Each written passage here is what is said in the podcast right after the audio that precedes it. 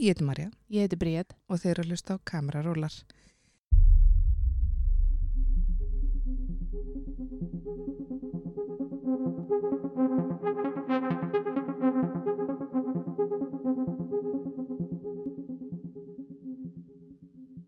Við setjum hérna í podcastöðinni og hjá okkur setur Hafdís Kristín Lárusdóttir Gerfa Hönnur.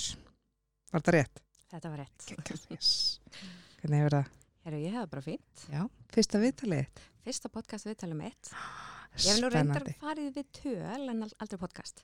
Ok, hvað finnst þér öðrisi við þetta? Hitt hefur alltaf verið tengt því þegar ég er að vinna eitthvað neginn. Hérna er ég bara að sitja nýr og spjalla, það er aðeins verið sig. Mm -hmm. Aðeins öðrisi, það er skemmtilega öðrugla. Ég, ég skal svara ykkur þetta búið, okay. Og væntanlega þá líka að þá ert að tala um eitt verkefni sem þú ert í. Já, þá er ég bara að tala um vinnuna sem ég er að gera, það sem Mhm. ég er að gera og allt það. Já.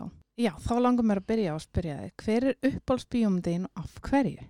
Og þetta er sko hræðileg spurning til að Akkur spurja mig. finnst öllum? Nei, sko, ég er ekki uppáhaldsmanneskja. Nei. Ég á ekkert uppáhaldsneitt, eiginlega. Ég get ekki sagt neitt því að ég elska nautakjöt, skilju, og borða það í mjög Já. ef að ég verið á eða þá verður það það sem ég myndi vilja borða alltaf daga. Já. En, en ég á ekkert uppáhalds. Ekki uppáhalds Ekkert uppáhalds. peysu eða sko. Ég á Vá. bara ekkert Ah. uppáhalds. Ég, Að veistu sko, mér er alltaf fundist í mínu einstök því að öllum finnst þetta alltaf svo skrítið að það hljóta að vera fleiri sem er ekki bara, ó þetta er uppáhalds lægi mitt, þetta er uppáhalds hljómsveitin mín, þetta er uppáhalds, það, bara á- það eru fleiri sko. því að þetta er bara Já. að fer eftir á hvað tímabili er, hvað ég er að hlusta á. Fer eftir hvað tímabili er, hvað, í hverju, í hverju klæði mig. Þú veist, þetta er, Ég hef, ég hef aldrei heyrt þetta. Jú, sko þetta er nefnilega svolítið, það, það, þetta er svona pínu í bransanum að fólki í bransanum er ekki rosa mikið með uppáhalds. Þú hefur bara ekki verið hérna eða eitthvað vera. Þessi skil alveg að fólk vil kannski ekki gera upp á milli verkefna. Já, já, eða ég skil líka alveg Þegar við það hefum spurt hver er skemmtilegasta verkefnið. Það er svona, Já, það en er rauninni ekki hægt, en þau eru svo misjöfn. Það er ekki hægt að bera þau saman. eins og bíómyndir, það er mjög Ég er að segja það, svo bara stundum finnst mér rosa gaman að horfa á eitthvað fyndið og stundum finnst mér gaman að horfa á eitthvað ræðilegt. og, Mhm. og Já, svona- þú átt ekki eins og uppáhalds svona nei, tegund nei, nei, nei, nei. Ok, Ég Ó, hvað á, þú þægileg þá. já, ég, ég ok, en, en er einhver svona mynd sem að e, þú getur hort á aftur og aftur? Nei, einhver svona- góður, ég þóla ekki fólk sem horfir á hluti aftur, aftur, aftur. Sko, ég, ég, Ég nefnilega- er bara í sjokki. ég skil þetta ekki, þú ert búin að horfa á þetta, þá ertu búin að horfa á þetta. þá er það bara búið. En ef það var það gott, þá langar þér að sjá það Ég get þá aftur. hort á það eftir 2003 ár því ég er búin að gleyma hvernig það var. Tengi, tengi þar. Já, Mhm. Þú veist, sjónvastættir sem svona white noise, jú, jú, horfa aftur, aftur, aftur, þú veist. Já. Því að það meira bara, ég veit hvað um að vera, þetta er bara white noise í húsinu, sem er að koma heim eftir vinnu, maður vill bara hafa eitthvað hljóð í húsinu, en maður nennir ekki að vera að horfa á sjónvarpið. Mhm. Þá setur maður bara eitthvað þætti sem maður er búin að horfa á miljónsinnum. En ég nefnilega skil þetta ekki, dóttir minn gerir þetta og hún vill ekki horfa neitt nýtt. Hún vill bara horfa á þetta, þá veit hún hvað hún er horfa á, þá veit hún hvort þetta er skemmtilega leðileg. Mhm. Og ég bara býta en þá, þá vi, horfir aldrei neitt nýtt sem er skemmtilegt þá. Mhm. Nei, en ég veit þá hvort þetta er skemmtilegt. Ég bara, ég skil, ég skil þetta, ég skil þetta ekki. Nei. Ha, já, já, ég, ég nenni ekki að horfa eitthvað aftur og aftur og aftur. Ég er alveg, ég með þér þar, ég, það þarf að líða alveg tíma á milli, sko. Já, ég þarf alveg að vera búin að gleyma svona, þú veist, ég var reyndar að horfa á sjónvarsþátt bara í þessari viku sem að ég horfði á fyrir nokkrum árum þegar season 2 er að fara að koma og ég bara, nei, season, ég vátt að eftir að horfa season 2 og season 3 er að fara að koma. Og ég bara, heyra, æg ætla að rifja upp fyrstu seríuna? Mm áður en ég fer að, þú veist, og klára svo tvö og svo fer þrjú að byrja bara. Og bara leið og ég bara startaði fyrsta þættinum það var ég bara, já, alveg það er þessi sem deyr í lokin. Mm. og það var ég bara, "Ah, já, ok Ég held að þetta sé samt í fyrsta skipt sem við fáum bara ekki svar við þessar spurningar. já, það er ekki svar það er ekki svar. Ég er bara, sko, ef ég sé eitthvað sem að mér finnst ógeðslega gott, þá get ég ekki beðið eftir að sjá það aftur og sjá það í nýju ljósi og taka eftir einhverju meira og fá eitthvað meira út. Já, úr þannig að þú horfir á það eins og fólk horfir á ármátasköpið. Horfir- horfir það fyrst og þau bara svona, já, ok, þú veist þá pressan að hafa gaman. með öllum og Já, svo horfir það aftur og þá finnur þú svona, ó já, þetta að fyndi, já, ég Akkurat. man, myndi, þú veist, að þú horfir sérst á hluti Já. eins og fólk horfir á Þú veist, ármátasköpið. ég get hort á uppáhaldsbíómyndunum mína aftur og aftur og aftur og mér finnst ég ennþá vera að sjá svona smá og smá sem ég tók kannski ekki eftir Og öll er hinn þá, skiptin. hver er þá uppáhaldsbíómyndin þín? True Romance. Hefur séð hana? Ég, sko, ég gæti vel verið að hafa séð hana. Mm En ég myndi Með- ekki muni eftir ég fyrir að myndi ít og play, sko. Já. Já, ok. Þetta er handrit eftir Quentin Tarantino. Nei, ég er ekki mikil uh, Tarantino típa, En sko. Tony Scott leikstir þenni. Ok. Þú veist, ég skal alveg horfa á hana fyrir þig. Takk. Ég elska þegar fólk segir Svo voru að Þú senda okkur hvað ekki sjá finnst sko. eftir það. Svo skal ég segja hvort ég muni hugsanlega horfa á hana oftar en einu sinni með öfina. Já, þetta er allavega mjög góð bíómynda bíómynd. Mm. Við fengum þá allavega einhverju bíómynd. Já, en hvað er þá uppáhaldsmynd dóttuðinnar? Nú er ég svo forvitin En nú hef ég bara ekki hugmynd, sko. Ég held að hún eigi ekkert uppáhald seldur, sko. Ekki að mér vitandi. Nei. Hún er ekki, ég held að hún er svona kynsluðan sem horfir ekkert mikið á sjónarbeið, Nei, típan, já. sko. Ég skilji. Ok. En segðu okkur hans frá þér. Um, þér finnst ekkert gaman. Jú, mér finnst allt gaman, mér finnst allt jafn gaman. þér finnst allt já gaman. Uh, en bara, þú veist, hver er Hafdís Kristín og, og hvernig ferðu inn í hana bransa og að gera það sem þú ert að gera í dag? Uh, ég fór svona pínu öfuga leið inn í þennan bransa. Ég sem sagt, vissi ekki hvað ég ætlaði að verða því ég var orðin stór og fór náttúrulega bara í stúdent eins og allir og var heilengjarinn að finna út hvað mér langaði að gera. Mm. Uh, eignast svo bann þannig í millintíðinni og þá varum maður ennþá rauglegar um hvað maður vildi gera. Endaði á að fara í hárgræslu og kláraði hárgræslunám. Og uh, svo, uh, svo djú, byrjum strax að fara djúft. Mm, Mhm. Fíla. Svo hérna, í rauninni mánuði áður en ég klára hárgræslunámið, þá deyr bróður minn. Og bara mjög óvænt, fekk bara heila blóðfall og dó. Og það náttúrulega bara fjölskylda náttúrulega í áfalli, náttúrulega enginn upplifað að missa neitt á þessum tíma, ég menn við vorum alls ung, hann var þrítur þegar hann dó og það einhvern veginn svona þannig ég þurfti eiginlega einhvern veginn að klóra mig gegnum að klára lokaprófin í hárgslunni, gegnum þetta allt saman og hérna kláraði það og svo kom pappi til mín einn daginn og inn í herbyggi til mín og sagði við mig hérna bara hvað viltu gera? Hvað er það sem ég langar að gera? Bara hvað sem það er, það skulle bara hjálpa þér Mm. og þá fór ég einhvern veginn bara svona að hugsa ok, hvað langar mig að gera og þá fór ég svona alls konar hugsanir og eitthvað. Og þá fór ég um að hugsa eitthvað tengt hárinu og, og fór að skoða það að fara til London að læra að gera hárkollur. Ú, og fór svona að skoða það og, og, og þá skóla sem var að kenna það og námskeið og hvað var í bóði og, og þá fór ég á datt óvart inni á uh, skólan sem ég endaði svo að fara í sem er Delamar í London. Og þeir eru voru að kenna árs námskeið, eða, þetta er var gráða, ég, ég Mhm. útskræðast með diplóma í, í hás sem er háskóla gráði í förðun. Og þar unni var maður í ár og lærði þess að allt tengt förðun og svo náttúrulega hári líka og þú veist hárköllum. Og maður einhvern veginn lærði allt í kringum grunninn í öllu. Vá. og ég datt inn á þennan skóla svona því fór að skoða, þá hugsaði ég bara var þetta ekki eitthvað gett gaman? Og hérna sótti um það og Hvað ertu gömul þarna? Hvað var ég, 25 Já. og hérna þannig ég bara tekast ákvörðun og, og segi pappa og hann hefur auðvitað verið ups, þetta var svolítið dýr ákvörðun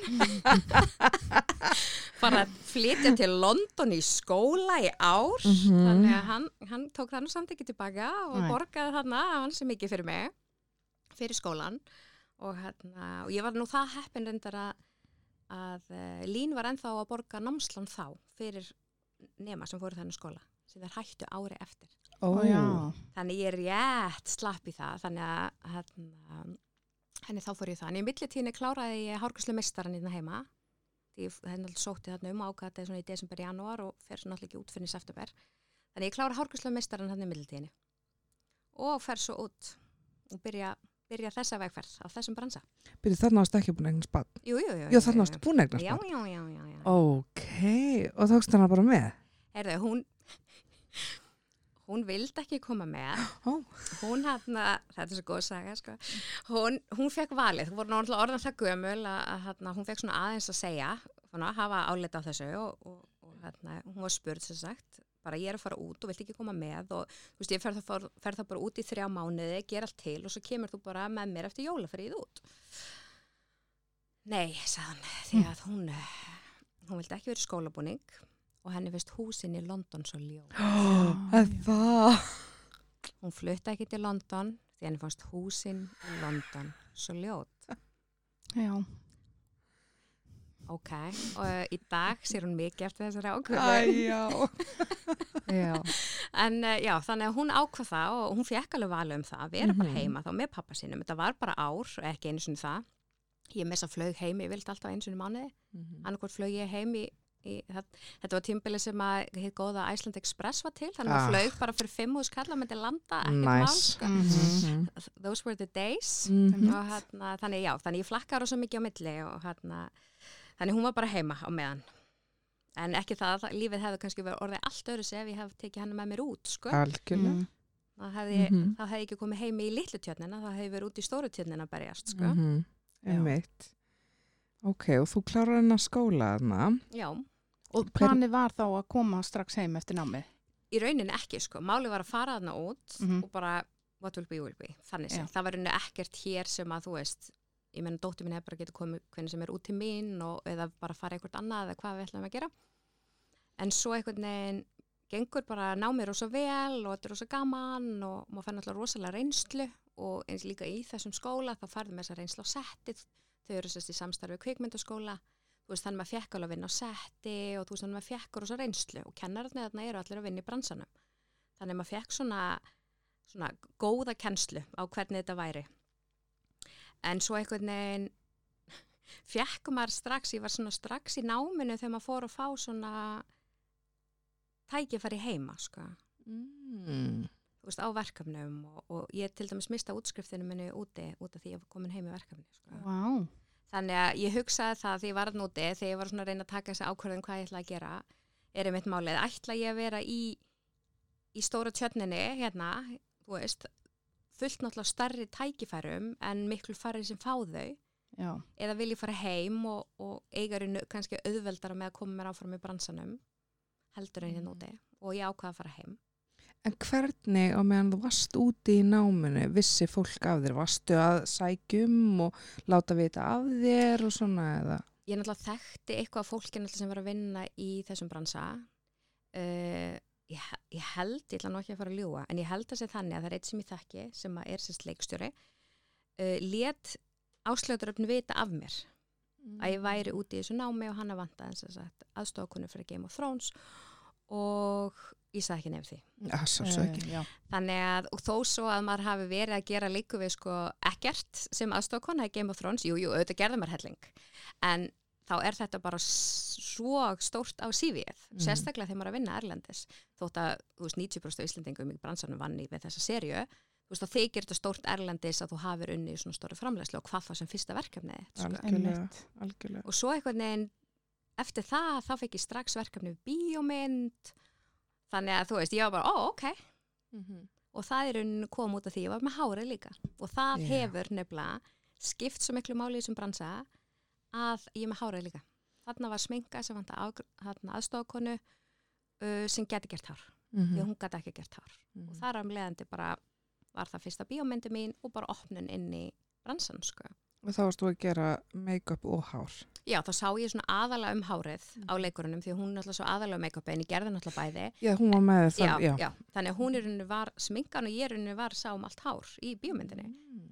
Þannig að hérna, og þá fekk maður líka rosalega reynslu að vera bara þrjá mánu á setti og bara Mhm. sjá hvernig þetta er og allt þetta sko. Mhm. Bara úti á Í- Íslandi í veðrinu og Já. maður fekk bara alla reynsluna þannig. Já. Þannig að hérna, þannig að það var mjög gott að fá þetta bara einhvern veginn svona strax. En- Svona, Þegar þú fest, ferð út í námið, 25, var ætlunin þín að þið langaði að vinna í bransanum? Þess vegna valdur þetta nám? já, Já, þá já. hugsaði ég bara, ok, þetta var alveg geggjað, þú veist, þetta var alveg eitthvað sem var fyrir mig Já. og allir kringum mig bara, uh, já. Þú veist, mamma byrja 15 og spurði mig, hvernig, hvernig finnst þér að myndi sækja mig hárgríslu? Ég leið, nei, já,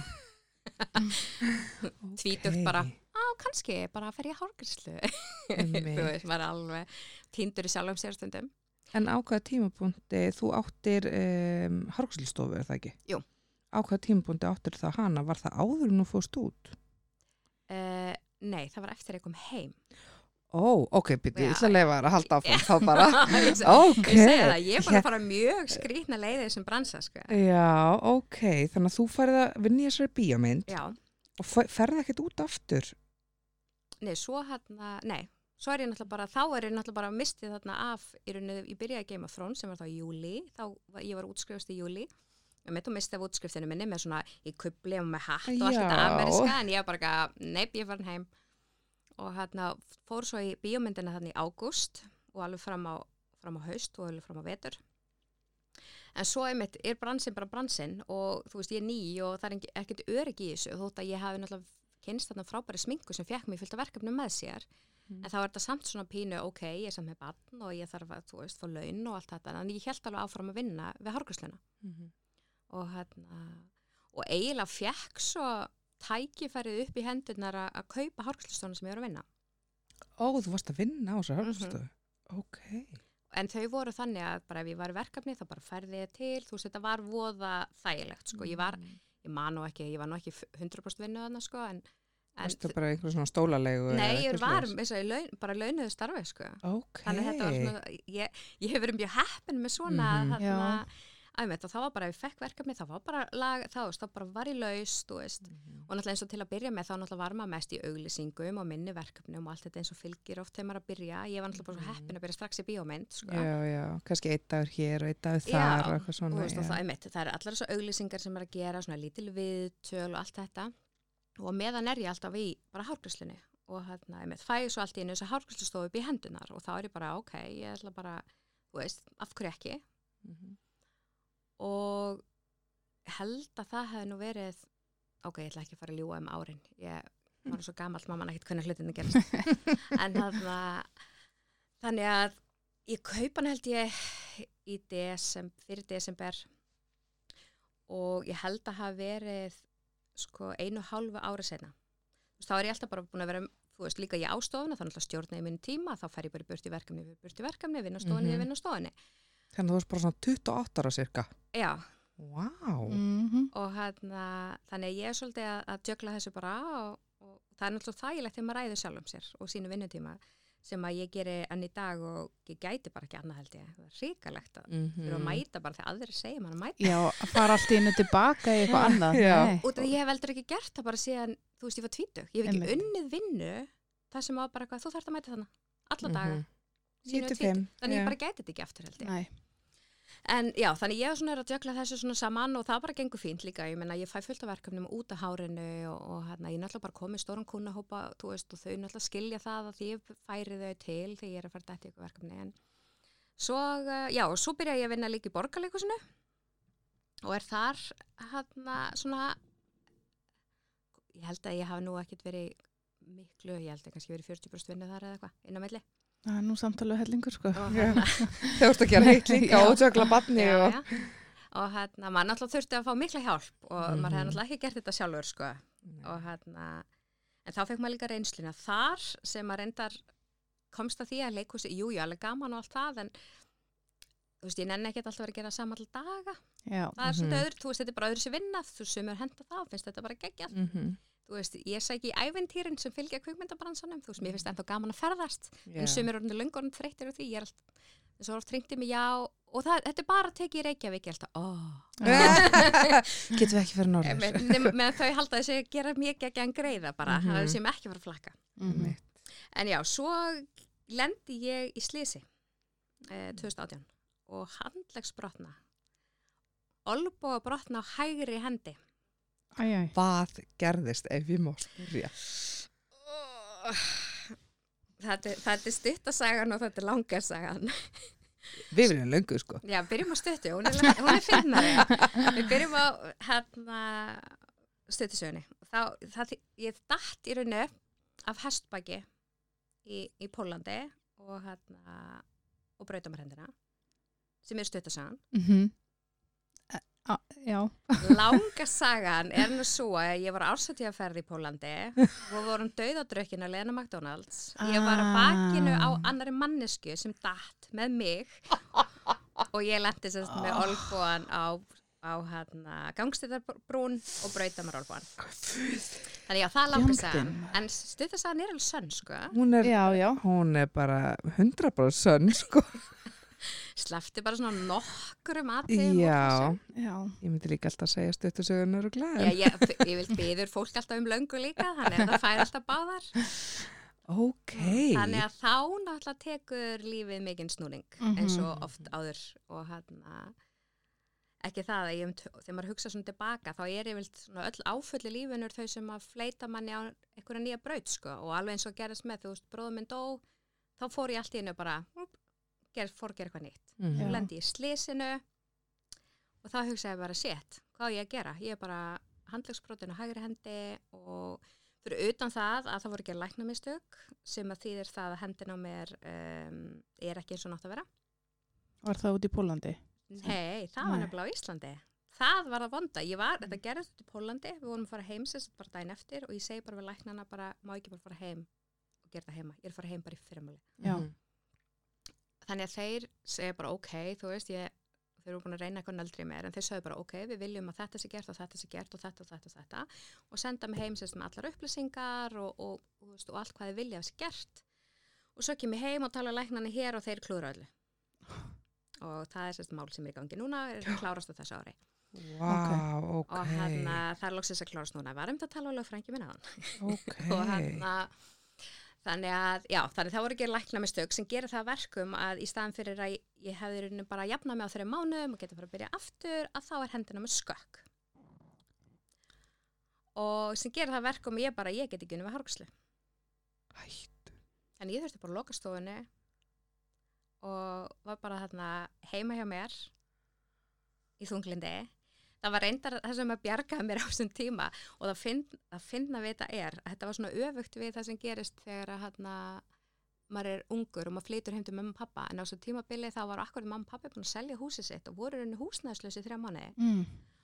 og bara á þessu tímabili þá bygguðu heima hjá mér.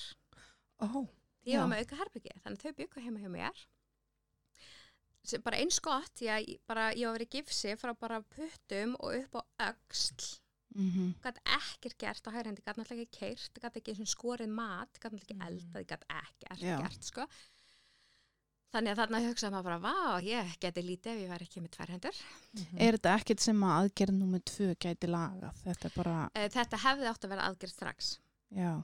það er málið og, og hérna, sem að læknirinn bara ákvaða að gera ekki Mm áttu við bara þegar þú kemur heim Já. þá hefði hann bara að grípa strax já. inn í. út af það sem læknirinn sög út og þú þarfst að vera aðgerð Ok. svo kem ég heim og læknirinn heim og segir bara nei, nei. Ég bara, já, hann sérðu þetta og þetta og þetta og ég bara alveg, þú veist, ég vinn með höndunum og ég þarf að geta tuttut, þú veist, var alveg þarna og, og hann bara, nei, Hvað þurftur að býða lengi eftir þessari aðgerð? ég er náttúrulega fóreldri. Það er Ha? svoleiðis.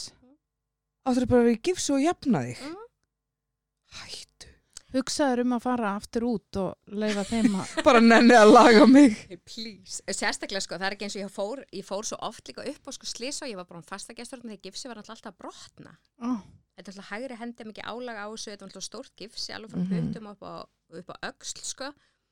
Þannig að, hérna, en nei, þannig að, nei, þeir sá ekki að sér og ég var ekki sendin inn að gera. Þannig að, hérna, og í dag sagði bæknuleglæknirinn eftir þetta var allt gróið, þetta loksins fór eitthvað svona alltaf í gang eftir þetta var gróið, þá kom heimilslæknirinn og tók af mér þess að gifsið og hann var bara, þetta er eitthvað skriðið og sendi mig til bæknuleglæknis. Þannig að það var henni heimilslæknirinn sem að Mhm. sá að það var eitthvað ekki í lagi og þú veist og hann gerði ekki neitt um að horfa hendina mér sko. og hann náði þessi læknir að samfærið um það og þyrftir ekki að fara í aðgerð. ég meni ég gæti ekkert gert. Ég sagði bara ég þarf að fara í aðgerð. Læknin úti sagði þetta vera aðgerð. Hann sagði ég þarf að fara í myndatöku. Þú veist sneiðmyndatöku ekki bara röngan þú veist Mhm. af brotinu til að sjá þetta betur og hann bara eitthvað nei. Og ég get ekkert gert þá. Nei, Mhm. þú veist það er ég bara eitthvað, ok þú hlýtur að vita betur. Þú Mhm. veist ég Þetta er maður líka bara alltaf að treysta læknunum, skilur. Já, já, en þú veist þú líka þarna, ég er búin að segja hann um allt og búin að segja hann sem læknirinn úti segir, ég er með pappirana og hann, oh, ég mm -hmm. ég segi þetta, en ég segi, segi við læknin bara, já, hérna ég er með pappira og, og ég held meira þess að hafa verið með sko disk frá læknunum úti með sko hvort það var með myndunum sem þeir tóku eða eitthvað, ég manni nú ekki hvort það hafa verið, ég var allavega með alla pappira frá þeim og ég segi hann bara, hérna eru pappirina frá læknunum, hann bara, já, ég, ég, ég skil ekki pólsku. Ég held þetta er alltaf ennsku.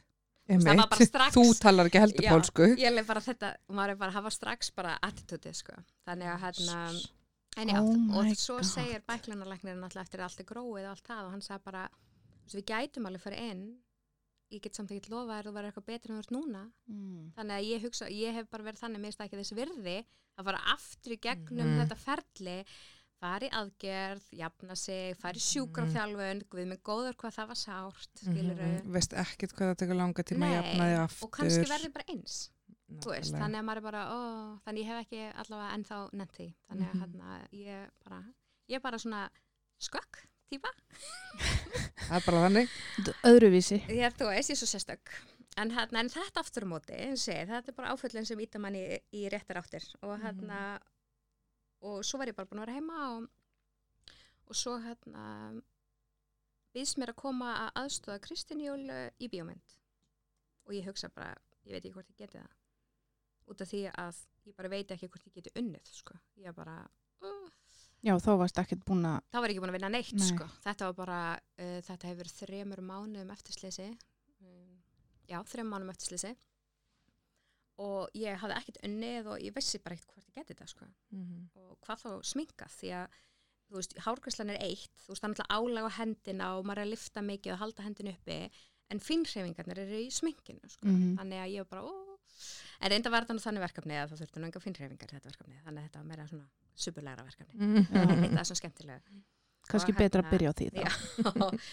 Þannig að ég ákvað bara að slá til og ég bara ok. Og, hérna, og það bara gekk rosa vel og þetta tókst og ég gati þetta og það tók bara fullt af verkilifum og bólguðandi og alls konar. Uppdópuð bara. upp á böðu ég er rúla alltaf þannig ekki margir daga það er engin breyting á því.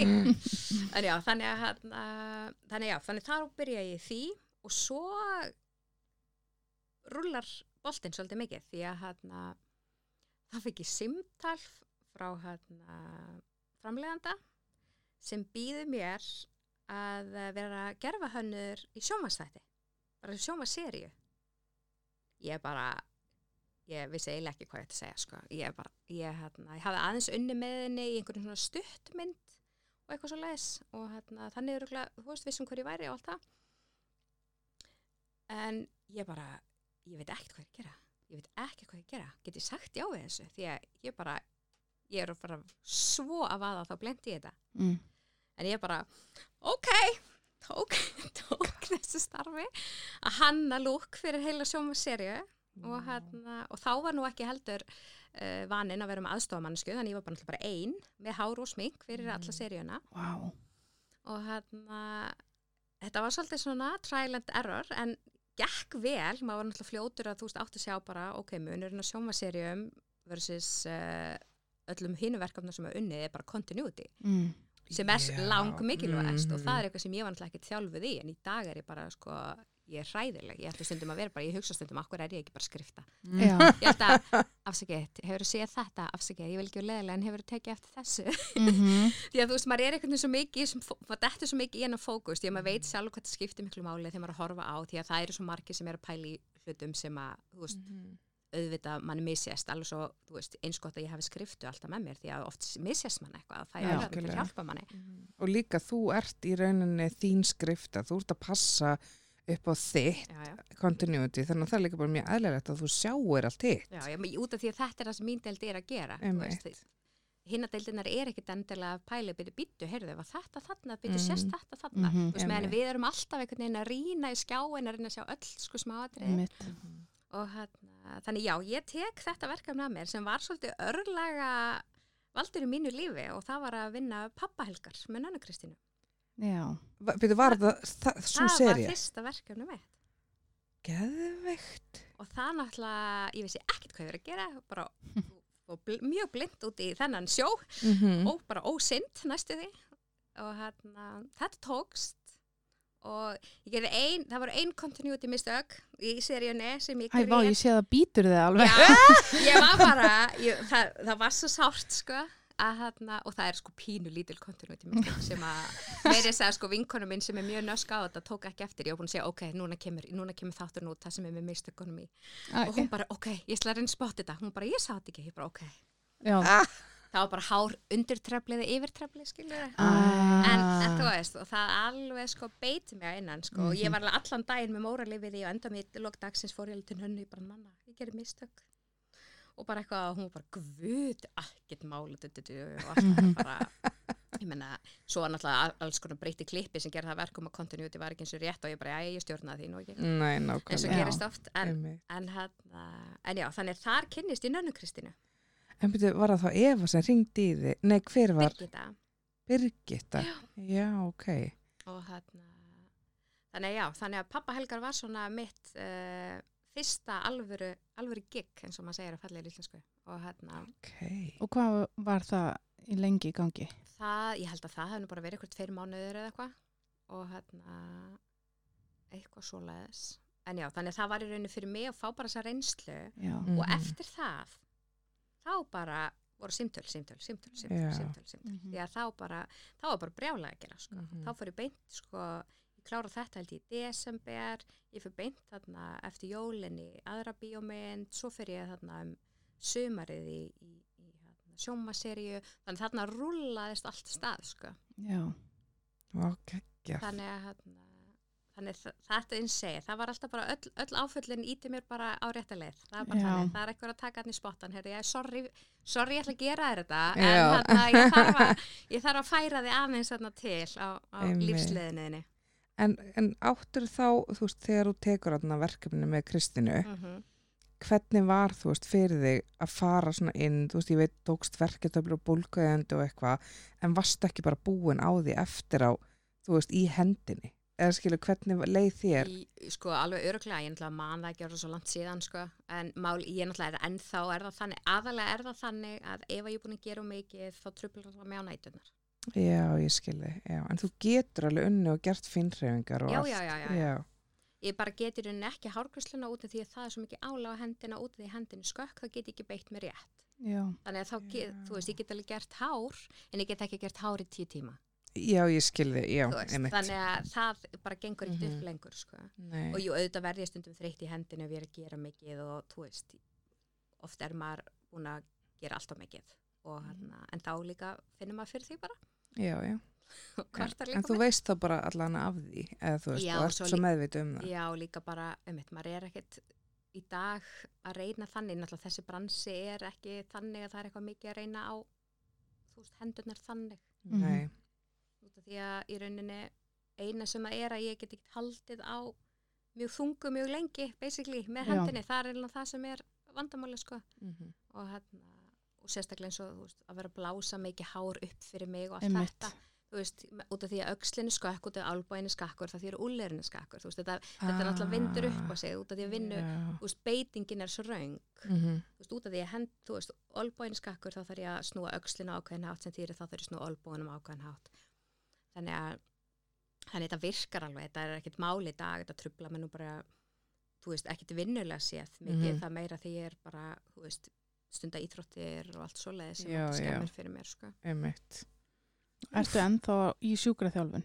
Nei, Nei. ég var í sjúkraþjálfun alveg í einhverja mánuði ég var bara það heppin að frænda minni sjúkraþjálfari þannig að ég bara, bara daginn sem að gifsi var að tekið að það fór í beint sjúkraþjálfun Já. Mhm. þannig ég var bara beint frá lækni sjúkraþjálfun og var hjá honum alveg nokkur sem í viku sko. en Já. það var bara ekkert að gera þú veist, þetta var ekkert að laga neitt meirinn þetta gerði, sko, það er ekkert hægt Mhm. að rétta það sem skakt er, hann inni, sko Shit. Ég bara með gæsa hann er tær, sko, þú sagði þetta. Mhm. Ég bara, uff, skelvelegt, sko. Og þetta er líka bara að því að, mér finnst þetta svona, þetta er ennþá skelvelegara að því að þú ert að vinna með höndunum. Það er ekki eins og, ert, já, Mm. Þetta er bara eins og að vera læknir. Hann þarf hendurna sínar, þú getur ekki verið skurðlæknir Nákvæmlega. hendi. ég hef nú kannski Mhm. mm að segja við hann hvernig, ég segja við læknir, ná til hans hvernig myndi þér líða að þú væri Já. bara með vinstri hendi getur þú stund að vinnuna þeina svona vel Nákvæmlega. heyrðu, Myndir "Ó, þú segja nei." nei við sjálfan þig? Mhm, Nákvæmlega. en ég hef nú það ég hef verið það heppin með það að, hérna, að það var læknir sem fór yfir máli mitt sem sagt, svona, Mhm. yfir, yfirlæknir sem fór yfir allt málið og hann alveg rakkaði læknin í sig sko. Já, ok. þannig að það er alltaf, ég var mjög glöð með það var, þeir voru allavega ekki allir að standa saman sko, Já, í, í mistökunum heldur Ég segir skil hann bara Já, lækn, hann, hann rósaði læknunum út í Pólandi Mhm. hann rósaði heimilislæknunum mínum en reif í sig bráðmáttökulæknana sko. já, Einmitt. bara fyrir það bara sagði með þess að bókstaflega stendur og svört og hvíti á papirunum mínum ef þú hefði komið niður af þínum háa hesti og bara hlustað Já, einmitt. Gott hjá Já, hann að ég var bara segja. eitthvað má ég senda sem lækni blóm Já, Já, nákvæmlega. en samt líka bara vel gert hjá þér að láta þetta ekki stoppa þig því að það eru svo Mhm. margir sem hefur leift þess að brjóta sig og bara, Já, bara eins og þú sagðir, þú varst bara heimið þunglið bara hvað ég gera, skilur. Mhm. Bæði náttúrulega orðin atvinnulegs og missa fyrirtækið mitt sem því að ég er náttúrulega í bullandi mínus á enga peninga. Og ég er náttúrulega bara býja með dóttur minni og hvernig á ég að borga bara hvernig ég á að lifa? Þannig að sem betur fyrir átti ég spari reikning Já, sem hann náttúrulega tæmdist. Já, eins og Mhm. svo byrja maður að sapna aftur og svo kom COVID og hann tæmdist. Og Já. það- þannig ég er alltaf bara ó, nú er ég bara svona, ó það er óvinni spara reikningunum mín, það fyrir eitthvað, það fyrir eitthvað að gerast. Verða að fara að eða þessu það aftur. það bara kom, það komið að þessu, það fyrir eitthvað að gerast núna En þú selur hárgræslustofuna þá eða? nei, ég bara loka henni, Þú bara lokar henni. Ok. ég var henni bara í leiguhúsnaði Já. þannig ég ok. bara loka henni Já, einmitt. ég ég var bara á þeim stað ég var bara, Mhm. lífið er umlegt, allt er umlegt ég veit ekki hvað ég gera og ég bara eitthvað, ég ætla bara að loka þessu og þetta er bara búið Mm Ef að myndi koma til þess núna að, að bransin var ekki til og getur ekki unni við bransan eða eitthvað, myndur þau opna aftur svona stofu? Ég er náttúrulega bæði geti ekki unnið þar sko, ég ætla að geta ekki Nei, lengur. nei, náttúrulega getur ekki gert það kannski sjálf en, nei, nei, Já. öruglega ekki ég veit ekki hvað ég myndi gera það Nei. jú, ég myndi, jú, ég myndi eitthvað ferðatengt held ég eitthvað fer að tengja. Pottet. En þú áttir ekkert uppáhalds, en, átt, ég, en áttu þér einhvern draum, skilur, eitthvað svona sem að, eitthvað svona draumaverkefni eða, sko, ég er að skrifa sjómaseri Búm! Þú ert sminka, Vel þú ert gert. hár og þú ert að skrifa sjómaseri. ok, sko, hún er það versta við það, ég er löngu búin byrja að skrifa hana, ég er löngu búin að ákveða hana mm í hausnum. Tók mig mörg ára að byrja að skrifa hana niður. Byrja að skrifa hana niður svona beinagrind af sériu til að sjá bara ok, er ég með eitthvað enn í höndunum og ég var bara eitthvað, settist niður á tveim tímum var ég komið beinagrind að sex sjónastættum vá, og ég var bara eitthvað, ok, ég er með eitthvað hérna en ég er náttúrulega búin að vera með þetta svo lengi í hausnum Já. sko. Mhm. svo fór, gekk ég ekkert lengur að með þetta heil lengi og, og svo fyrir svona ári síðan þá ok, ok, ég ætla bara að prófa að sjá ég ætla bara að setjast niður og einu degi skrifa ég eitt þátt bara fyrsta þáttin Vel gert. í seríunni ég er Mhm. Náttúrulega, náttúrulega búin að marinera svo lengi í hausnum á manni, Mhm. þá er svo auðvelt að koma út úr hausnum á sér, svona loksins Mhm. þegar maður sest niður. Mm en svo hef ég bara ekki gert meir. Ég hérna ég, ég hef sagt svona nokkrum aðlum frá verkefninu og allir mjög spenntir yfir þessu og fullt af fólki innan bransans og allir búin að bjóðast til að hjálpa mér og, og allt það. Ég er alltaf, já, ég þarf bara að fara að sækja um hérna handréttastyrk, ég þarf að sækja um handréttastyrk og allir bara, já, ekki Ertu búin að sækja um? Nei, nei, nei, nei. Svo ger ég það aldrei og því ég veit ekki hvernig ég gera það og þar stoppar líf mitt á þessu. -hmm. En hérna, En sko, það lítur að vera einhver önnur ástæða heldur en bara að því að þú, þú þekkir náttúrulega fullt af fólki og getur alveg fengið það eru sko, það eru svo margir búin. Mhm. Sko. Já, að, Og sko, og fólk sem að trúi mér er alveg mjög, þú veist, vant þessu og veit alveg hvað er að gera, sko. En þetta er einhvern veginn bara svona að fara í það, ég veit ekki. Ég hérna, Ertu hrætt við að fá neitun? nei, eða- raunin ekki, því ég er búin að sita á þessu svo mörg ára, þú veist, ef ég myndi ekkert gera úr þessu, þá bara er það ekkert úr þessu. En máli Já. er bara það að ég, ég held samt að þetta verði nefnilega eitthvað svo geggjað. Já. Og hérna, ég veit ekki, kannski er þetta bara líka lífið, það er bara ekki rétti tímin í það Mhm. núna, nú er ég að gera eitthvað annað. að það er náttúrulega kostur við það þegar þú sækir um svona styrka. Ef þú fær neitun, þá farið komment tilbaka. Já, já. Og Já. það er það sem að væntalega hvetur fólk áfram til þess að sækja um aftur. já. Ég er náttúrulega komið nóg til að sækja um fyrstu tvo styrkina, sko. Já, og þú ert líka bara með svo mikið af fólki sem þú þekkir sér bara að lesa þetta yfir og verið bara búin að aðlaga þetta með þér áður þú byrjum já, já, já, já, já, já, já. En hérna, hef ekki farið þangað. En fólk, það er nokkru einmitt sem ég hef sagt frá svona sögur, eða þú veist um hvað þetta er og fólk ver, er allt mjög spennt fyrir þessu. Þetta er bara, oh my god, þetta er náttúrulega byggt á mér, ég er náttúrulega svolítið skröðlega líf. Já. Mhm. Þannig að þetta er svona byggt pínu á mér, sko, og er bara fyndi og skemmtlegt. Og hérna, Er þetta grín eða Já. drama? þetta, er, þetta er svona, sko, það þarf alltaf að vera smá, smá drama í öllu gríni sko. Já, við hefum heyrt þetta áður. Já. þannig að hérna, það getur ekki bara að hafa bara gaman það Mhm. þarf líka að vera eitthvað drama innan í, í, inn í þessu en hérna Það er bara lífið. En já, þannig að það er svona það sem ég er alltaf svona með í bakhöndinni. Já, ég þarf að fara að sækja minna handréttastyrk. Ég er búin að vera ekki setið tvö ár bæði vei. Sko, nú ert að segja þetta í ofinböru viðtali. Já. Hver veit hvað gerist núna? Er þetta kannski máli að þú veist að þegar þú ferð næsta skref að þá er þetta orðið svona meira alvöru og þá ertu að fara að gera eitthvað í þessu? Já, en svo hef ég líka sko hugsað bara að ég þarf kannski bara að fá einhverja mannesku. Þú veist, ég er með hugmyndina, ég er með hugmyndina inn á sjónstáttum, en hugsunin hjá mér er að ég veit eitt hvað er að gera. Já, ég Já. skil. Já. veist. Eins og ég samt þessu fyrsta verkefni sem þú tókst Já, það já, og svo ég vissi brillera er svona vel í Ég vissi því. ekkert hvað ég að. Ég er sömu trúaðir í þessu. Þannig að Já. hérna, ég held að þetta sé svolítið það, þú veist, svo er ég bara, ó, svo er þetta kannski bara eitthvað umulegt og en þú veist, allir sem ég hef að tala um þetta við eru allir bara mjög jákvæðir og finnst þetta, þú veist, Mhm. skemmtilegt og peppa þetta alveg áfram og peppa mig áfram og, og bjóðast þess að hjálpa mér. Mhm. En já, svo hef ég myndi hugsað það, þú veist, á ég kannski bara að fara með hugmyndina til einhver sem kann að skrifa handrit, Mm. þú veist, að ég er náttúrulega með Já. beina grindin, ég er með söguna, þú veist, ég er með sögurnar sem ég er að segja frá, sem ég er rauninni búin að pinpointa í gegnum náttúrulega alla þættina um hvað ég er að fara að tala um, að segja frá í hverjum þætti, sko, það er allt komið það þarf bara búa til allan svona sögurþráðin í kringum þetta og bindi þetta saman og þá hef mitt verið að hugsa það á ég þá kannski bara frekar að, vera bara hugmyndasmiðurinn en fá handritsönd til að gera þetta Mhm. eða á ég bara að dröslast í gegnum þetta og prófa Mhm. Hvernig virkar það ef maður myndi fá handritsöfund í rauninu ofan á verkefni sem þú ert búin að púsla og sér mjög vel fyrir þér?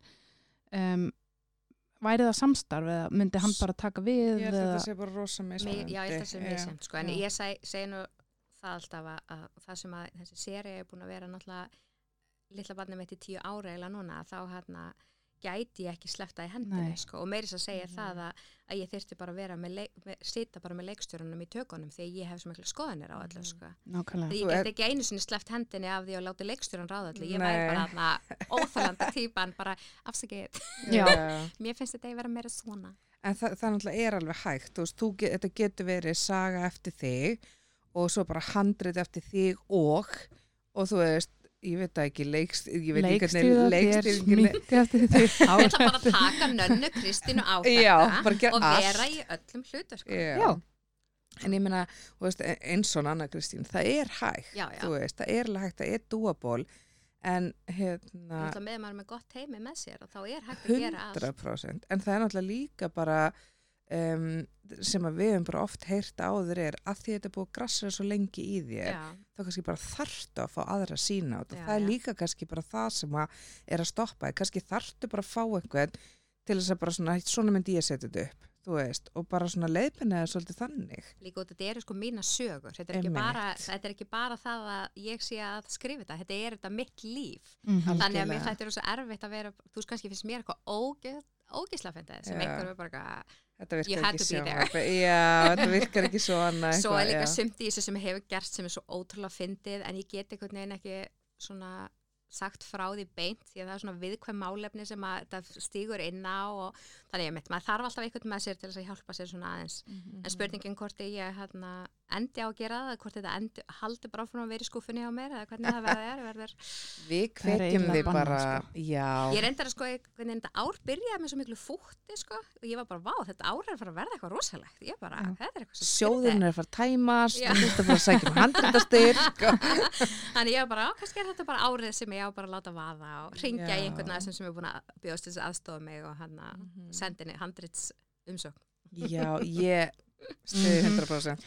En að því að þú allar náttúrulega að vera í að skrifa handrit og, og leikstýra og smink og vörðun og, en allar að leika líka. Nei, ég ætla ekki að leika mig.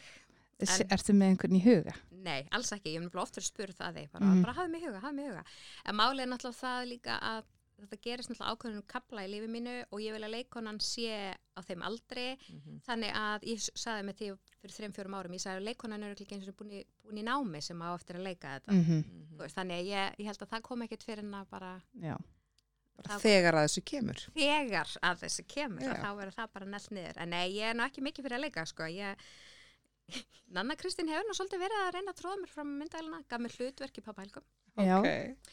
Ég blessunarlega var svo lasin þann dag að ég, ég gæti ekki svona talað Mm. að, þarna, að þú þurft að finna einhvern annan í staðin Æ, Þannig ég fekk hlutverk sko, í, í þeirri serju og hérna, nei, ég, ekki það, ég geti vel verið að það, þú getur verið með við og tala við sjálfan Já. Geggjað. en það er nú, maður hefur nú verið náttúrulega, þú veist, bak og hár og lappir í fl- flest öllum verkefnum sem maður hefur verið í, sko. Mhm. Verið með. Maður þarf alltaf að vera með. Ekki getur þú stað þarna? Já, Já. Svo stendur maður í baki, svo er maður með hérna viewerinn í iPadinum og Já. í baki, ég er að fylgjast með tökunum. Svona lítið hárum mitt út Já, alltaf. bara, á, herri, æ, þetta er kannski að vera litur. Ah. En nú ertu líka búin að taka þátt í nokkrum hérna, erlendu verkefnum eins og talaður um Game of Thrones. En þú ert nú búin að vera í einhverju öðru líka, eða ekki?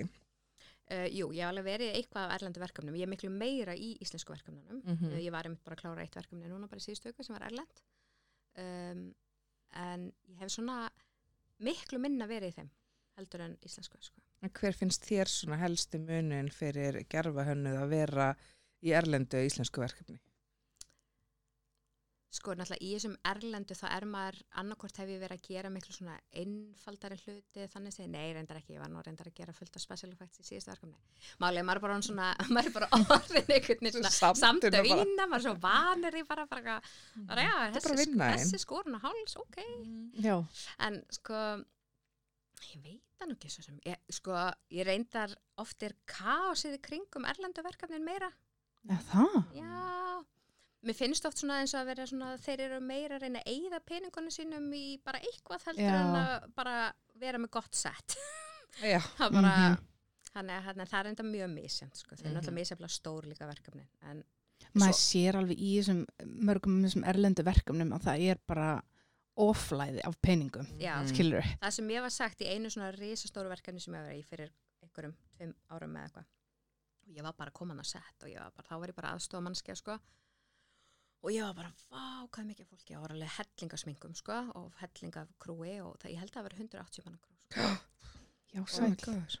og maður var bara þarna og maður bara horfði á bara peningana þau, bara þau voru bara bókstaflega að kveikja í þeim og hoppa á þeim og Mhm. þú veist rekja þeim og rífa þá sko og þá var ég, maður fannst þetta svo skrítið sko og líka með hvað, hver afköst dagsins voru meða við kostnaðan við daginn, þú veist, auðvitað skilur maður það að, að ef þú ert að fara að afkasta miklu þá þarf mikið krú, þú ert ekki að fara að gera mikið þegar allir eru, þú veist, einhvern veginn að berjast þarna á bakka, en þegar þú ert með þarna allt þetta fólk og afköstinu við daginn Mhm. eru basically ein þryggja sekundar sena Mm þá er maður bara, Einmitt. já en þá rætti ég þetta nú við eitthvað ég menn nú ekki hvað það var og þá var ástæðanir þeir náttúrulega voru bara að reyna að klára alla peninga svo að fengja meira budget fyrir náttúrulega fyrir næstu mynd sko.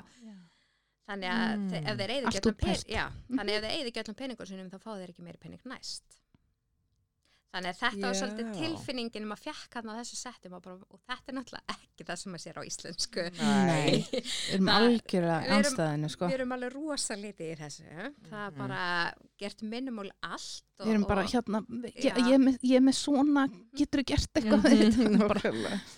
Bara má ég fá eitt tissjú hérna er hálft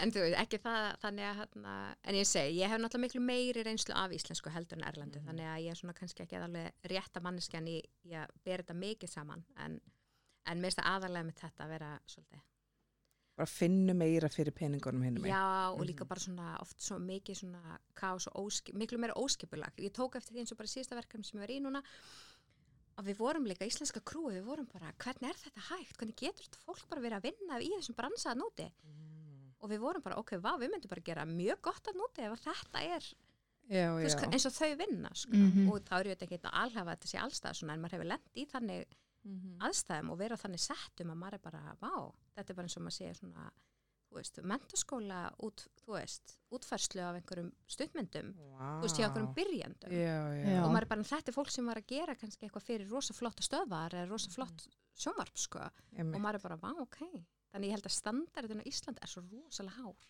já, og fólkið okkar er bara svo klárt já, við erum farin að vera svo, á svo mörgum sviðum. Mhm. farin að geta hent okkur inn í svo margar stöður meðan að fólk þannig úti í svona mörgum verkefnum er bara þessi sér um þetta, þessi sér um þetta, þessi sér um þetta og, og þú bara sjá um þetta Já, þú færði ekki einu svona tækifæri eða sjans Að að vera já. batteri. Veist, en bara hér, hér reyndar sem er ekki mjög gott, hér eru allir með svo mörg hlutverk sem er heldur ekki gott. Mm. Náttúrulega til dæmis eins og Erlendis er hár og smink sikkvart Mhm. dæmið.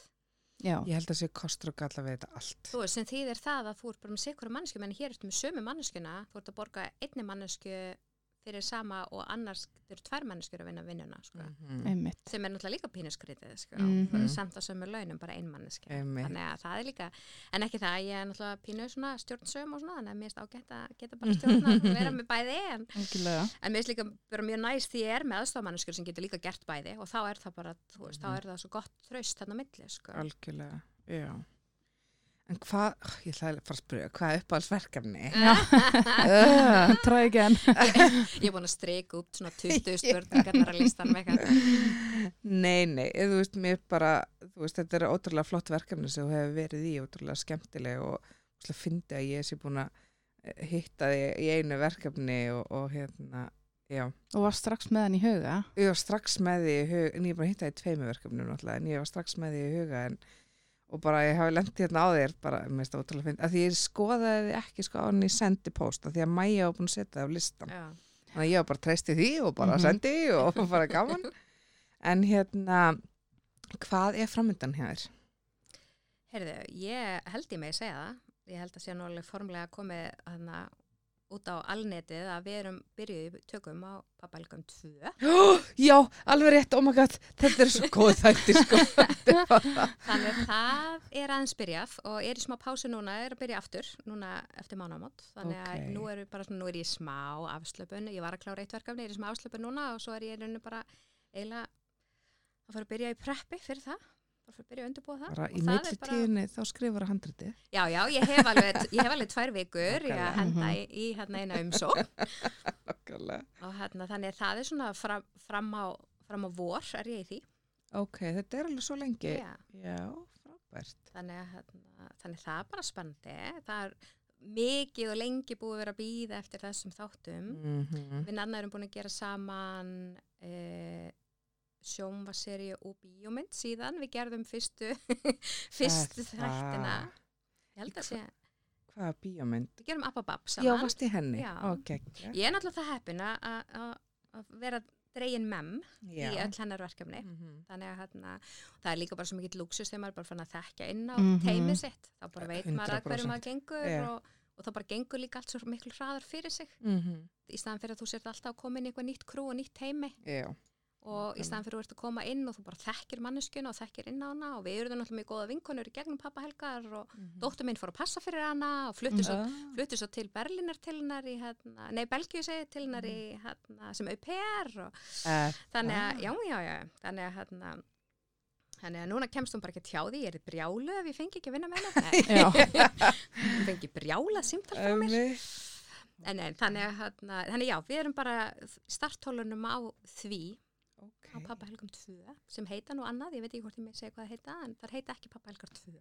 ok Ég, ég ætla ekki að kjafta Nei, eitthvað sem ég má ekki kjafta. nákvæmlega Spennandi. Nákvæmlega. En hvað hérna uh, fram í vor, þannig að þetta er alveg þrý-fjöri mánuðir, cirka Uh, nei, við erum, erum, erum að klára þarna held ég, eh, sko málið er, þetta er pínu, um, við byrjum aðeins í desember, þá þurftum við smá jóla, mm. að sjálfsögðu, Mhm. og svo erum við að fyrir tökur núna og svo kemur smá pása og svo fyrir við aftur í júni og ættum að klára þá í júni.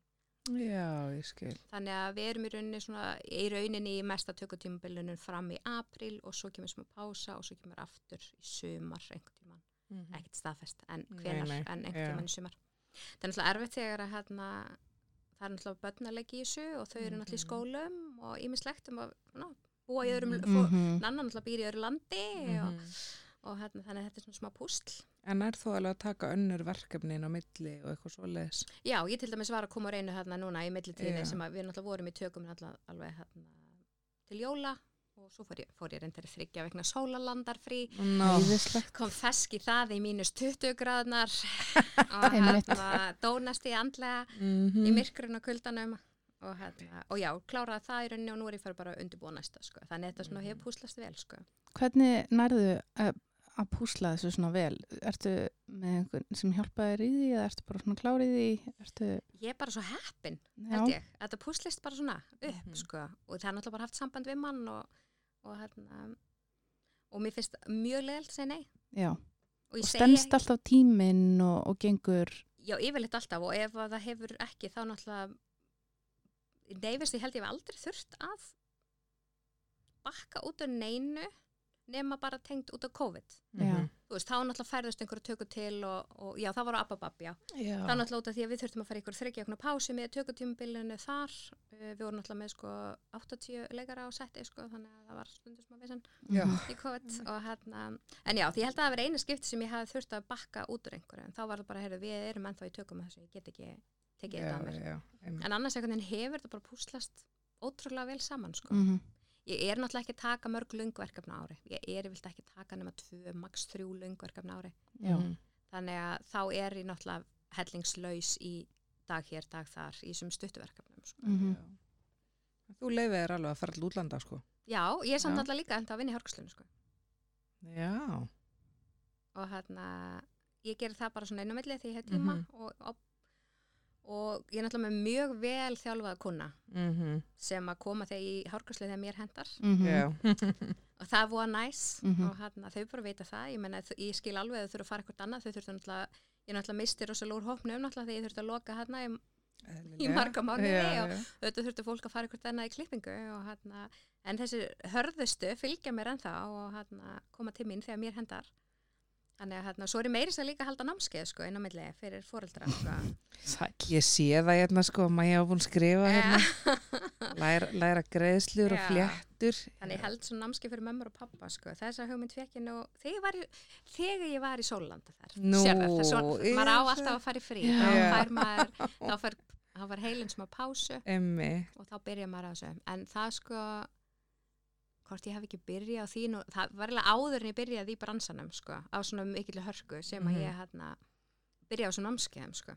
En að senda mér þegar þú ert með svona námskeið. Bæði ég og maðurinn minn þurfum að ég halda sko. ég því miður um þetta, ég held svo mikið af þessu sko og var alltaf, alltaf með þetta svona janúar, til mars, þú veist svona rólegasti tímin og svo aftur svona september, oktober var ég með þessi námskeið sko en uh, núna í dag hef ég nú ekki mikinn tíma til að halda þessi námskeið Nei, nei. Ég held- dettur inn, þá ég- bara lætur mig vita. Þannig ég reyni alltaf, sko ég held á hverju ári námskeið. Ok. Ég, ég er ennþá þar Ok. og yfirleitt alltaf tvisur ári. Nú er ég samt öruglega ekki að náði út, ég er fyrir verkefni náttúrulega Já. í februar Mhm. og er að koma úr verkefni núna. Þannig að hérna, ég næði líklega ekki, kannski april. Mhm, Ok. Ég er frí april, ég Já. kannski bara hendi ég á námskeið og hérna, ennþá í frí april. Nákvæmlega. en, hérna, en þetta er rosa gaman. Ég fekk þessa hugmynd sem að uh, ég var á, á, í frí, jólafrí með dóttur minni og hérna var bara, ok, hvað get ég gert meira? Hvað get ég gert? Mhm. Hvað hef ég eitthvað? Og datt þessi hugmynd í hug og held bara, já, ég ætla að halda eitthvað námskið bara fyrir pappa. Það er svo fáir sem eru með svona að kenna pöppum alltaf hvernig ætlast til þess að, að papparnir bara eitthvað neginn sjá ekki um þetta og, Mhm. Og byrja þessu og þetta sprakk gjössamlega. Mhm. Nema það að svo fóru mömmunar á sambandi, er ekki námskið fyrir mömmur, er ekki námskið fyrir mömmur og ég bara eitthvað, jú, ég get alveg halda námskið fyrir Mhm. mömmur því að náttúrulega með þar er Mhm. alltaf ætlast þess að allir kunni þetta. Nema svo hafa mömmurnar eiginlega tekið yfir, sko. Já. Þær eru yfirleitt, ég held yfir fleiri mömmunámskið heldur en pappanámskið, sko. Það. Þannig að, hérna, þannig að þetta ger ég líka svona einamilli þegar ég hef tíma en hérna, aðeins minni þessa, þessi síðust 2-3 árin. Já, já, já. En samt eitthvað. Já, já, held á hverju ári, alltaf Mhm. eitthvað og, hérna, og er mjög gaman sko. Mér finnst reyndar sko pappanámskeiðin skemmtilegar mömmunámskeið, ég mm. -hmm. viðkenni það alveg. Ok. Uh, mömmurnar eru svolítið harðari við sjálf sig, Já. meðan Mm. meðan pappanir eru svo stoltir að sér. Já. Þannig að hérna, það er svo gaman að sjá það sko, að hérna, að þeir eru oft líka þegar koma svona hópar, það kemur svona samkeppna á milli, bara haha ég er betri en þú og, og, hérna, og mjög gaman sko og margir sem innan bransan sem hafa komið á námskeið Geggjað. með bönnin sín og hérna, Já, þau koma með börnin já, sín. já, þetta er bara samveru stund með banninu Ó, og hérna, þú veist, sumir fara fyrr, já. aðrir sita allan tíma, eðlilega. Þetta á að vera gaman, Já. þannig að meðan þetta er gaman þá er þetta að vera, leiðindur og leiðilegt, þá bara fara að gera Mhm. eitthvað annað. En, hérna, en já, það er svo gaman að sjá sko hvað pappanir eru rosalega stoltir að sjálfum sér sko. Mhm. meðan að við erum meira í því að rífa okkur niður og þetta er ekki nóg gott og, Já, er sem er hræðilegt sko, og já. já. meðan ég held alltaf sko fyrirlestur í byrjun námskeiðin sko, fyrir fóreldrarna og einmitt Ókei. segja það bara, við segjum alltaf bönnun okkar að æfingin skapa meistaran og við Já. þurfum að segja það okkur sjálf Mhm. við erum ekki meistarar í því sem við erum að gera í fyrsta skiptið Nei. Mhm. þannig við meðum heldur ekki vera of hörð við okkur við það sem við erum að læra bara þannig, að, þannig það er svona líkur svolítið munur þar á sko. Mhm.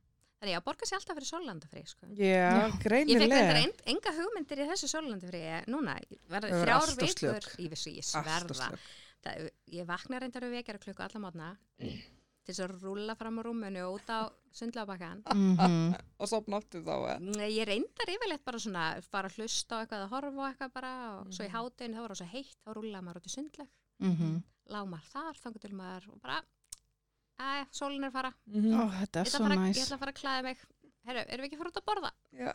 Þetta voru þrjár vikur á mínu lífi Geðveikt. Þetta var bara lífið, sko Mhm. Herru, við fjölskyldan fórum öll til tenni Það Já, klassíkin. klassík. What? Já. Fórum og vorum í þrjár vikur Fórum bara með hús og með sundlaug og bara æðislegt.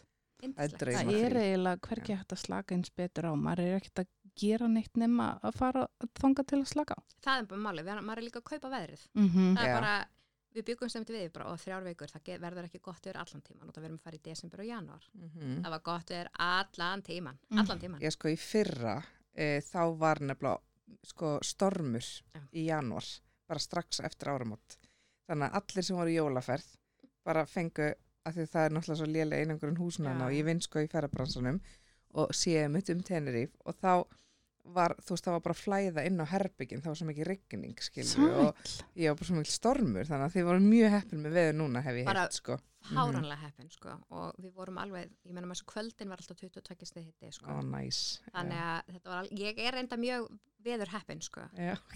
og vinkona minn er stundum bara þegar við ákveðum að fara eitthvað bara, æ, gerum þetta, bara plönum þetta og förum og svo er alltaf bara geggja veður.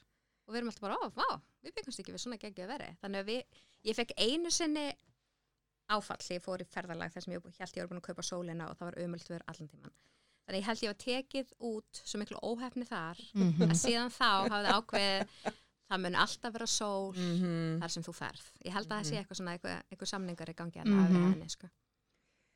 Já, þú vil ertu heppin í lífinu eitthvað. Ég er svona milli. Inn á milli, já. Sko, ég bara að ég hef hitt eitthvað svona rosalega jákvæðan. Með svona jákvæða sín á lífið, bara þrátt fyrir einmitt bara mörg og stóra áföll, skiluru. Eða kannski ekki mörg, en, en stóra áföll, þú veist, sem að einmitt leiðaði einhvert annað.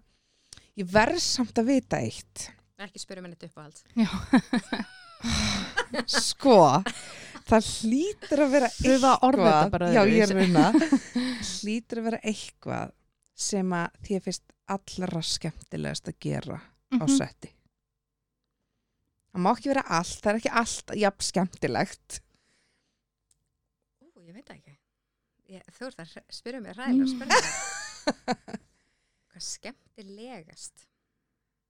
Er skemmtilegast að búti sár eða Ég sko, mér finnst náttúrulega skemmtilegt að gera fólk ógislegt, sko. Já, Svo, já. já, já, já, já, ég er Mhm. bara allan daginn í því, sko. já, þú miklu, það já, special facts er bara uppáhald, sko. Uh, sko Anna! við náðum því. Þú veist, mér finnst skemmtilegast að gera ekki bara klassíkina, Mhm.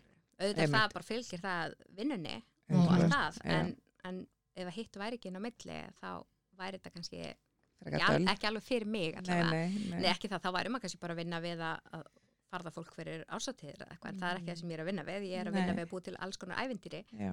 og það var náttúrulega til dæmis mjög gaman eins og Ababab, það var bara svona, þá sagði Nanna Kristín við mig og um þau búningahönnin, bara heyrðu í þessu verkefni, bara more is more, Já. Ah, ok, bara við erum að fara að búa til ævindýri Mhm. og bara, þú veist, ég var að lita hárið á fimm ára gamlum börnum og, og setja hanakamp á þau og raka hárið á fimm ára stelpum og, og bara, þetta var bara, þarna var að vera að gera allt, sko, sem að var út fyrir litla kassan, sko. og bara með leiði frá fóröldurum Já, já, það hérna var bara svona, veist, og auðvitað voru margir sem vildu ekki Já, þessu og vo- voru það bara öðru í sig útferðir en sumir var náttúrulega þvílitt spenntur fyrir þessu Mhm. og fá bara rautt hár og svart hár og hanakamp og Geggjað. Bara verið hluta æfintýri. En já, mér finnst skemmtilegast að gera, ég, þú veist, ég var að koma verkefni núna það sem hefur verið mikið, með þess að tveimu verkefni núna í vetur, sem voru bæði tengt sko snjó og kulda og ís og svona og það þekki mér, Mm. núna það var kannilega trendi þennan veturinn hjá mér, þannig núna tekið mér það mjög skemmtilegt og ég er búin að vera að vinna í því mjög mikið. Mhm. En já, svona, mér finnst það skemmtilegast að fara, Mhm. bara það er upp á hals að gera.